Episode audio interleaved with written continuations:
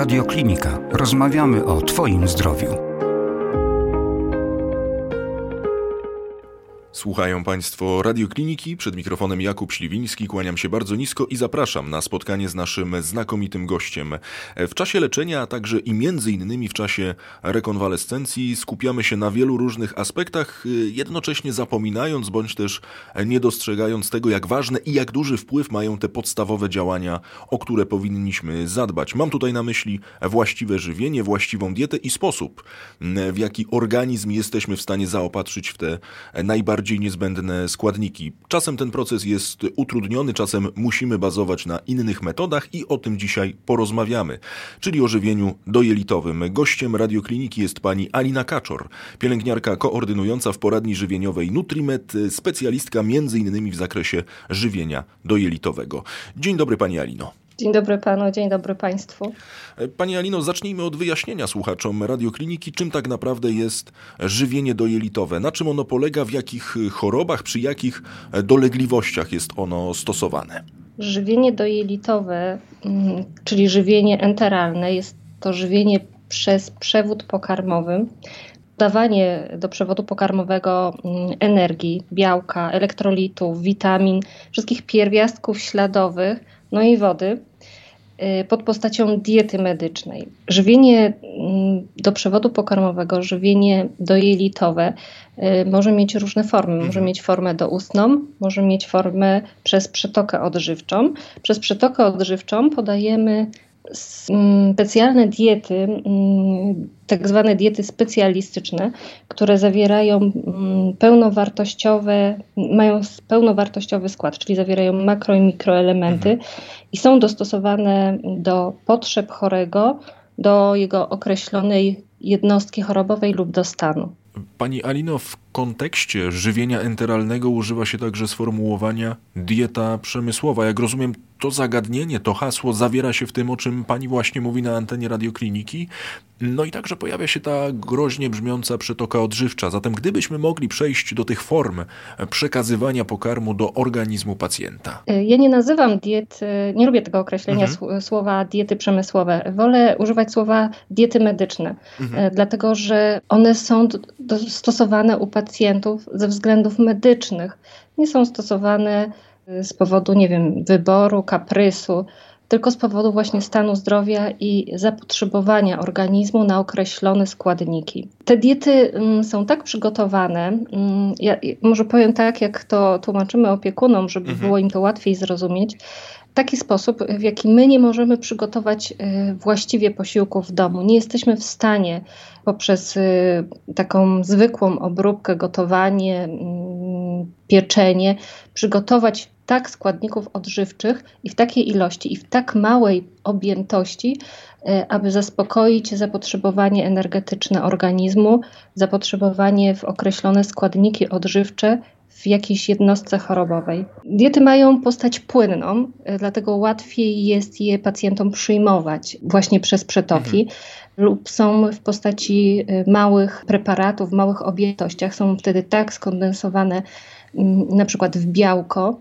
że ta mała objętość dwóch, trzech y, na przykład nutridrinków zaspokaja całe zapotrzebowanie dobowe pacjenta. Pani Alino, jakie są wskazania do zastosowania takiej sztucznej terapii odżywczej i analogicznie, jakie są przeciwwskazania, jeżeli chodzi o pacjentów? Czy są być może jakieś specjalne cechy, być może jakieś specjalne dolegliwości pacjentów, gdzie absolutnie takiej terapii żywieniowej zastosować nie można? Leczenie żywieniowe według wytycznych y, europejskich, Europejskiego Towarzystwa Leczenia do i pozajelitowego obejmuje jakby tutaj właśnie kilka etapów, że może mieć formę doustną, dojelitową, albo ta trzecia, czyli jest to forma pozajelitowa.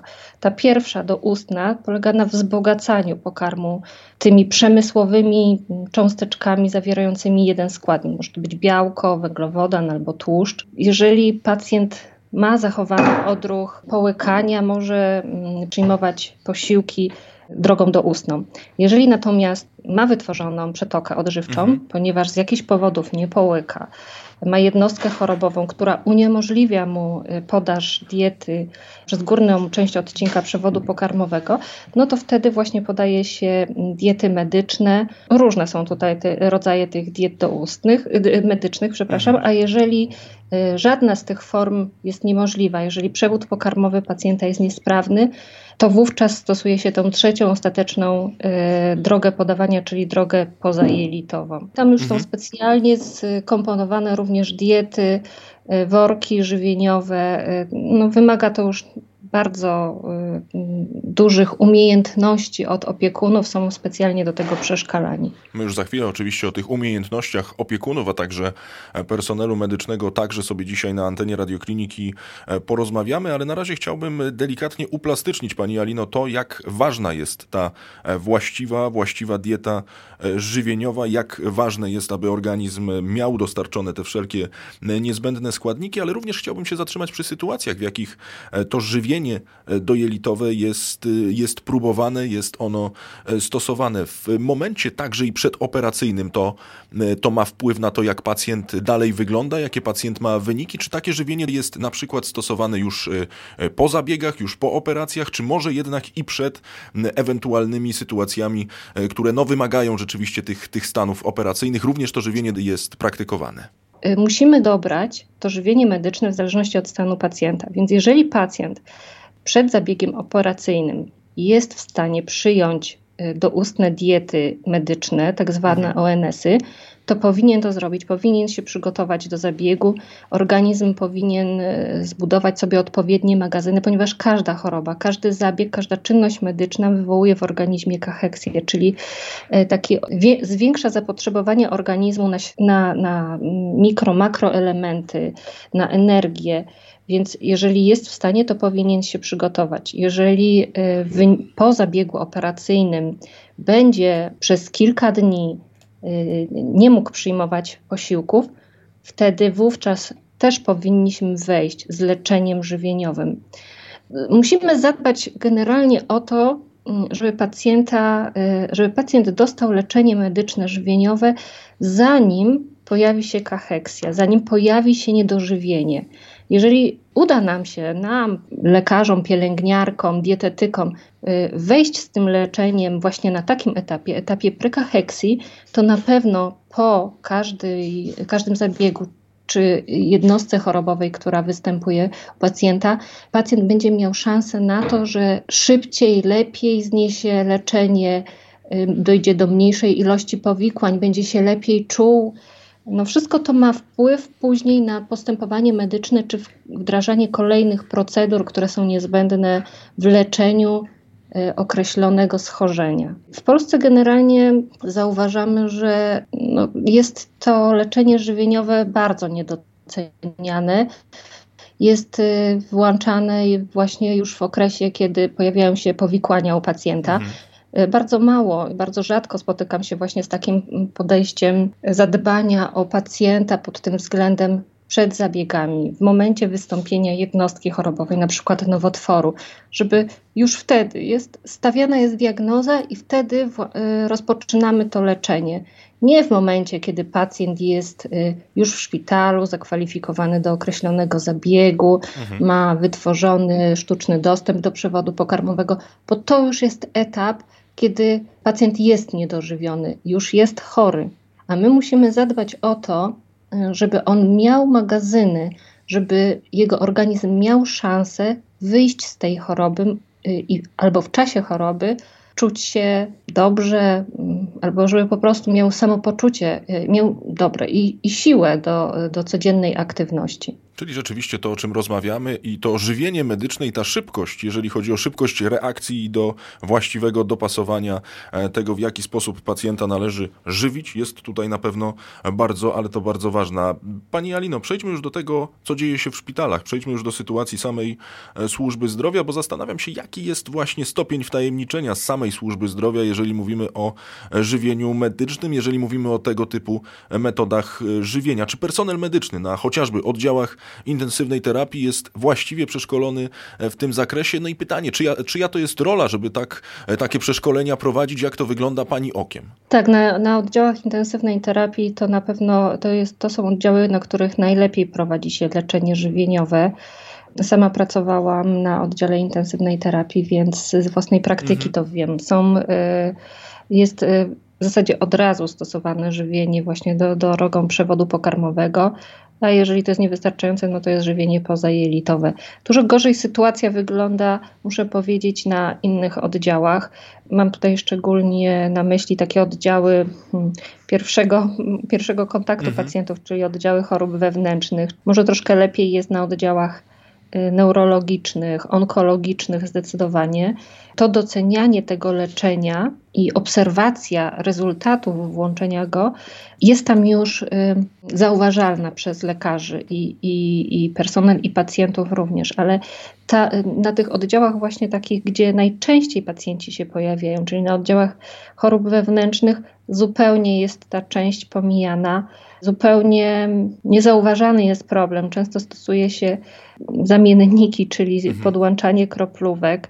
Proszę sobie wyobrazić, że pół litra y, glukozy to jest 100 y, kilokalorii. Jeżeli organizm potrzebuje półtorej tysiąca kilokalorii, to musielibyśmy pacjentowi podłączyć 7,5 litra, czyli 14 mhm. butelek płynów.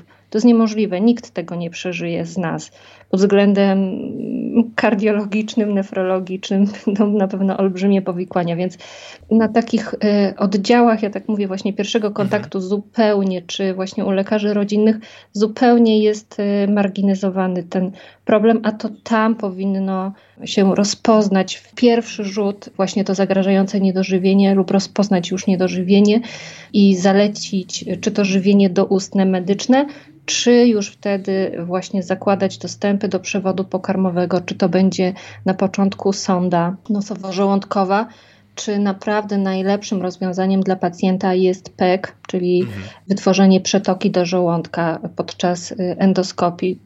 Bardzo krótki i naprawdę bardzo bezpieczny zabieg, a umożliwia mm, pacjentowi przez wiele lat przez wiele lat, podkreślam, mhm. przy prawidłowej pielęgnacji mm, tego typu sprzętu, podaż diety bezpośrednio do żołądka. Także wracając do początku pytania, mhm. intensywne terapie na pewno są tutaj przykładem y, bardzo dobrym y, stosowania y, diet i leczenia żywieniowego. Natomiast co do pozostałych części służby zdrowia, mm, no to, to różnie bywa. Myślę, że też zależy to od, od tego, czy dany lekarz, dana pielęgniarka, bo on, naprawdę pielęgniarki tutaj też mają, mają możliwość ogromnego wpływu wywarcia na stan zdrowia pacjenta. One są w domach, y, odwiedzają pacjentów, y, edukują ich i widzą w środowisku jego naturalnym, domowym, to jest naprawdę najlepsze miejsce, gdzie pacjent czuje się dobrze, gdzie, ma, y, gdzie są jego bliscy, gdzie może spożywać posiłki tak, tak jak chce i o, o porach, które chce. Więc no, powinno się tutaj, jeżeli się zauważy jakiś problem, od razu reagować i zalecać preparaty, które będą dostosowane do stanu zdrowia pacjenta. Pielęgniarki generalnie uważam, że powinny mieć możliwość w takich sytuacjach samodzielnego podejmowania decyzji, zakładania właśnie sąd w domach pacjentów, jeżeli oczywiście opiekun czy pacjent wyrazi na to zgodę. Zwykle lekarze bronią się przed takim zabiegiem i założeniem mhm. sądy pacjentowi, ale lepiej właśnie zastosować ją na samym początku, czyli w okresie kiedy jeszcze nie dochodzi do niedożywienia, niż później właśnie leczyć niedożywienie, bo to na pewno wydłuża czas leczenia, daje gorsze rokowanie pacjentowi, powoduje powikłania, a y, możemy temu wszystkiemu zapobiec poprzez właśnie włączenie wczesnego leczenia żywieniowego.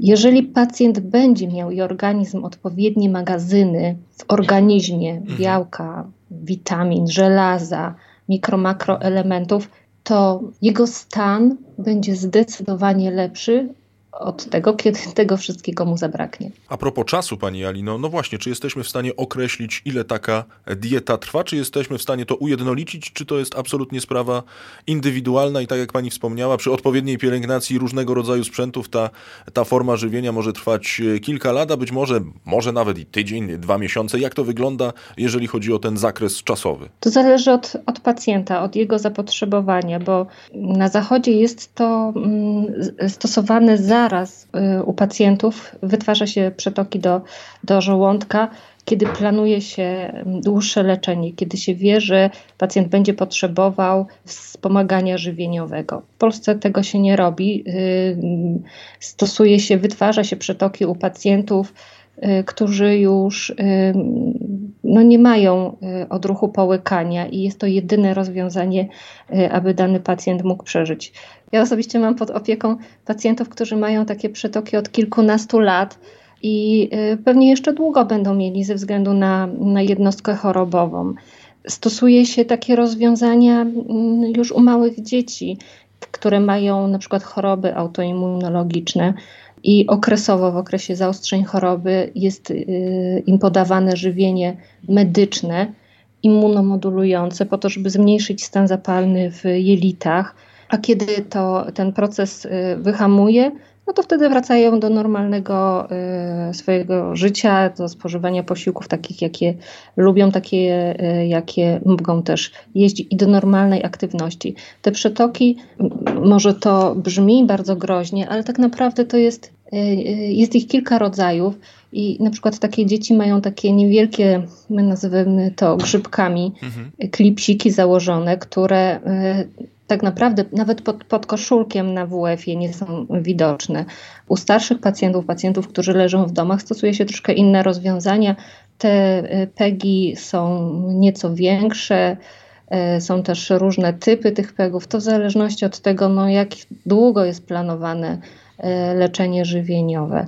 Więc po to, aby poprawić komfort opieki opiekunowi czy pacjentowi, który ma ograniczoną możliwość poruszania się czy manipulacji y, rękoma, no to wybiera się sprzęt taki, żeby, mm, że byłoby to, że, że jest to dla niego mm, możliwe do wykonania mm, w domu samodzielnie. Wspomniała Pani o leczeniu w domach i tutaj chciałbym się na dłuższy czas zatrzymać. Pani Alino, jak to wygląda, jeżeli chodzi o edukację pacjentów na temat i w ogóle jeżeli chodzi o możliwość e, takiego sposobu żywienia w domach, jak to wygląda e, technicznie? No bo wspomniała Pani o tym, że no służba zdrowia jest, mm, no delikatnie mówiąc, w niektórych momentach i w niektórych aspektach e, mogłaby się podszkolić w tym zakresie, więc tak się zastanawiam, jak to wygląda, jeżeli chodzi o pacjentów. Czy pacjent jest w stanie sam się tak żywić, ewentualnie potrzebuje opiekunów? Jak wygląda ten cały proces takiego żywienia już w tych warunkach domowych? Tak, to zależy od tego rodzaju dostępu, który jest założony i od stanu zdrowia pacjenta. Mamy pacjentów, którzy podają sobie dietę samodzielnie do, przez przetoki do mhm. przewodu pokarmowego. Wykonują to nawet, wykonuje to nawet rodzeństwo y, dziecka, które, y, które mamy pod opieką w poradni ale najczęściej wykonują to opiekunowie. My w poradni mamy opracowany y, taki system współpracy z, powiedzmy, nazwijmy to tak, z opiekunami, który rozpoczyna się już podczas pierwszej wizyty, gdzie pacjenci są i opiekunowie albo opiekunowie są szkoleni gruntownie z y, opieki nad danym typem dostępu, który, który, który będą mieć pod opieką.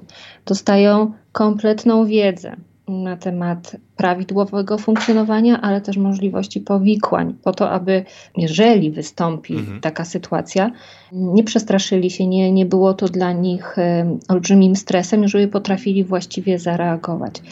Poradnie żywieniowe, w tym właśnie poradnia Nutrimet, w której pracuję, personel jest do dyspozycji, powiedzmy tak, e, opiekunów 24 godziny na dobę. Czyli w każdym momencie dnia lub nocy, jeżeli coś się wydarzy z dostępem do przewodu mhm. pokarmowego, to ktoś z zespołu żywieniowego, a zespół żywieniowy składa się z lekarza i pielęgniarki, w ciągu dwóch, trzech godzin musi dotrzeć do tego pacjenta i musi do, wykonać odpowiednie czynności medyczne, żeby, żeby tutaj zabezpieczyć tą przetokę no albo zareagować w, w tej określonej sytuacji trudnej, w której się no, opiekunowie znaleźli. A wracając jeszcze tutaj do, do tej służby zdrowia, mhm. o której Pan powiedział, to um, uważam, że y, dalej mało jest informacji o tym żywieniu medycznym, że y, program szkolenia pielęgniarek, no trudno jest mi wypowiadać się y,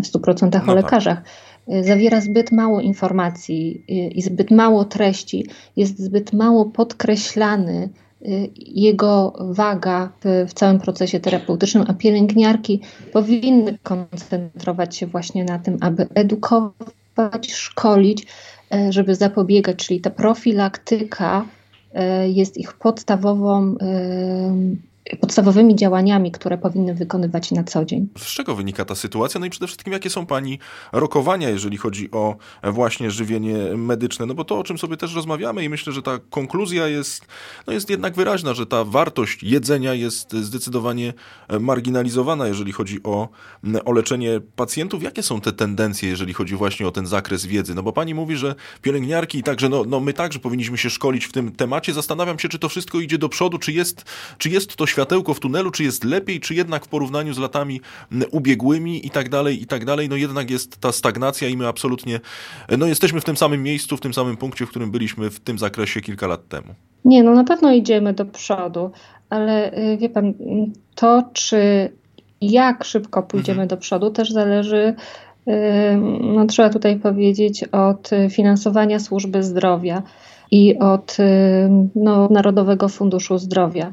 Na e, Zachodzie dużo większa waga do tej procedury jest przykładana, dużo więcej środków finansowych jest przeznaczane na leczenie e, medyczne, bo e, po prostu zapobieganie, profilaktyka daje dużo więcej korzyści niż później leczenie powikłań. I mm, w Polsce no tutaj toczy się cały czas dyskusja i negocjacje Y, właśnie różnych świadczeniodawców z, z, różnymi oddziałami narodowych funduszy zdrowia, aby zwiększać zakres tej opieki, aby większa ilość pacjentów mogła mieć dostęp do, do poradni żywieniowych.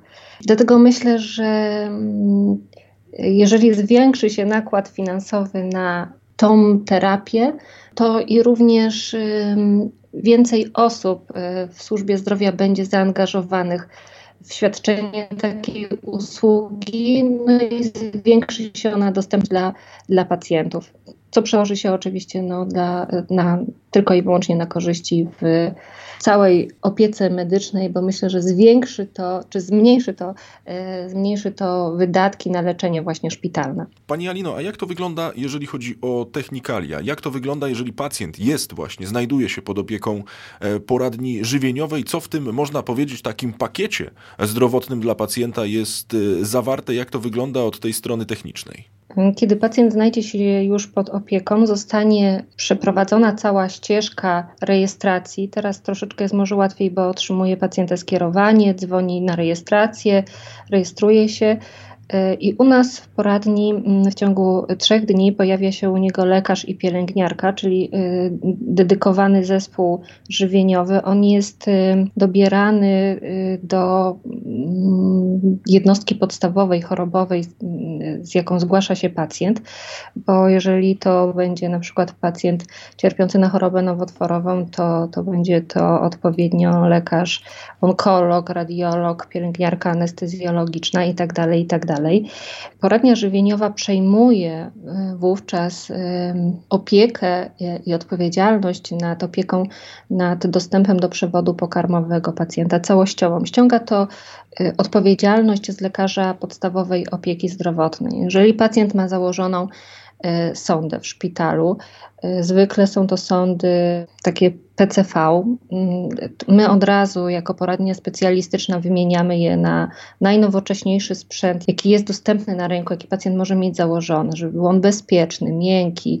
e, żeby mógł być stosowany długoterminowo, żeby nie musiał być wymieniany. I e, ta sonda jest e, wówczas wymieniana przez pielęgniarkę mm, poradni żywieniowej w domu pacjenta. Ten pacjent nigdzie nie musi się, nie musi być transportowany do żadnego szpitala, y, do żadnej poradni. Y, nikt nie jest więcej angażowany. Jeżeli natomiast pacjent ma założoną przezskórną y, endoskopowo-gastrostomię i coś się z nią dzieje, mhm. wówczas jest ona pod opieką lekarza e, z poradni żywieniowej. Jeżeli wymaga ona wymiany i jest ona tam możliwa wymiana, również odbywa się ona w domu. Pacjent nie musi trafiać kolejny raz do szpitala, nie jest narażony e, na ryzyko hospitalizacji. Opieka nad tymi dostępami jest zabezpieczana przez zespół żywieniowy i jednocześnie ten zespół żywieniowy opiekuje się opiekunami pacjenta. Troszkę mhm. to y, brzmi może nie do końca profesjonalnie, ale chodzi o to, że opiekunowie są tak szkoleni, aby poradzili sobie w każdej sytuacji. Potrafili mm, wymienić czasami tą sondę, bo dzieci y, zwykle y, usuwają sobie no tak. tą sondę nawet kilka razy dziennie i wówczas rodzice potrafią na okres żywienia y, albo bezpośrednio po usunięciu tej sondy założyć ten dostęp z powrotem lub opiekunowie właśnie za, potrafią samodzielnie wymienić mm, dostępy, które są e, zakładane właśnie przez przetoki e, do żołądka. Potrafią się nimi opiekować w taki sposób, aby nie dochodziło do powikłań. Ta opieka specjalistyczna polega na specjalnym obracaniu tego dostępu, wsuwaniu, wysuwaniu, przemywaniu skóry. Wszystkie te elementy y, są zawarte y, edukacji opiekunów od samego początku, od, od, pierwszego momentu, kiedy pacjent znajdzie się pod opieką poradni żywieniowej. Pani Alino, gdyby słuchacze radiokliniki e, poszukiwali jeszcze większej ilości informacji na temat e, tego typu diet, tego typu, tego sposobu żywienia, gdzie mają się udać, jakie strony mają odwiedzać, no gdzie szukać tej wiedzy na ten temat? E, ja zapraszam zawsze do nas, do poradni Nutrimed w Krakowie. Bardzo chętnie udzielamy informacji. Mamy też specjalną, dedykowaną infolinię e, w naszej poradni e, dla wszystkich, e, dla całej służby zdrowia. Jeżeli ktoś spotyka się z pacjentem i nie wie, co w danej sytuacji ma zrobić, to nasz zespół udziela wsparcia merytorycznego, a pacjenci myślę, że jest tyle stron żywienie w chorobie, fundacje, które zajmują się wsparciem opiekunów, czy też y, na stronie Naczelnej Rady Pielęgniarek i Położnych są filmy instruktażowe, jak opiekować się dostępami do przewodu pokarmowego, w jaki sposób są zakładane, że, y, że warto, myślę, że z, z tych stron skorzystać i szukać w internecie też kontaktów do poradni żywieniowych. Tam na pewno y, specjaliści udzielą informacji adekwatnej do, do, do danego problemu, który, który opiekun y, w danej sytuacji ma. Oczywiście. I polecamy te różne strony, polecamy te wspomniane adresy, o których nasz gość wspomniał. Pani Alina Kaczor, pielęgniarka koordynująca w poradni żywieniowej Nutrimed, specjalistka w zakresie żywienia medycznego, była gościem radiokliniki. Pani Alino, wielka ogromna, e, serdeczna przyjemność. Bardzo gorąco dziękuję. Ja również bardzo dziękuję. Więcej audycji na stronie radioklinika.pl i w naszej aplikacji mobilnej.